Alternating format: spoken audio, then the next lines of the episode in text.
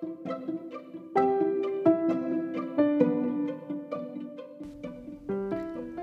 pernah menawarkanmu nebula. Nebula besar yang terbentuk dari sisa-sisa supernova. Kamu menolak.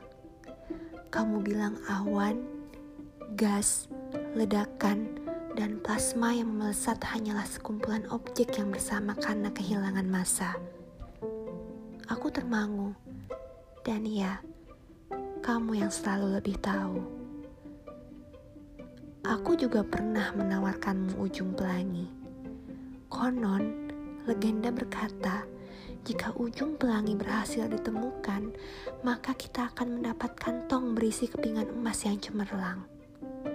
Kamu lagi-lagi menolak. Kamu tidak tertarik dengan sinar benderang.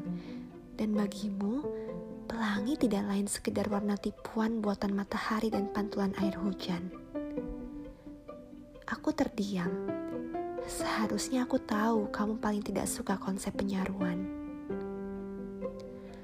Aku pernah menawarkanmu awan kumulus. Apalagi yang lebih indah dari gumpalan kapas yang menghampar secara horizontal pada langit keemasan tanpa adanya mendung dari awan kehitaman. Kamu menolak.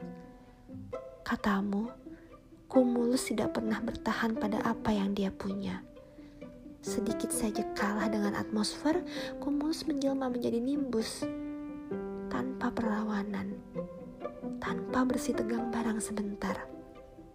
Kamu juga bertanya padaku bahwa perihal indah itu relatif kan? Lidahku keluh.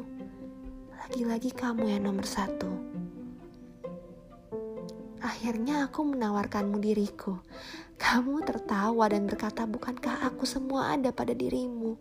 tidak pernah pergi, melekat membatu, sesekali datang seperti rindu. Katamu, ada aku yang perlu dijaga. Lalu aku tahu mengapa kamu menolak semua semesta.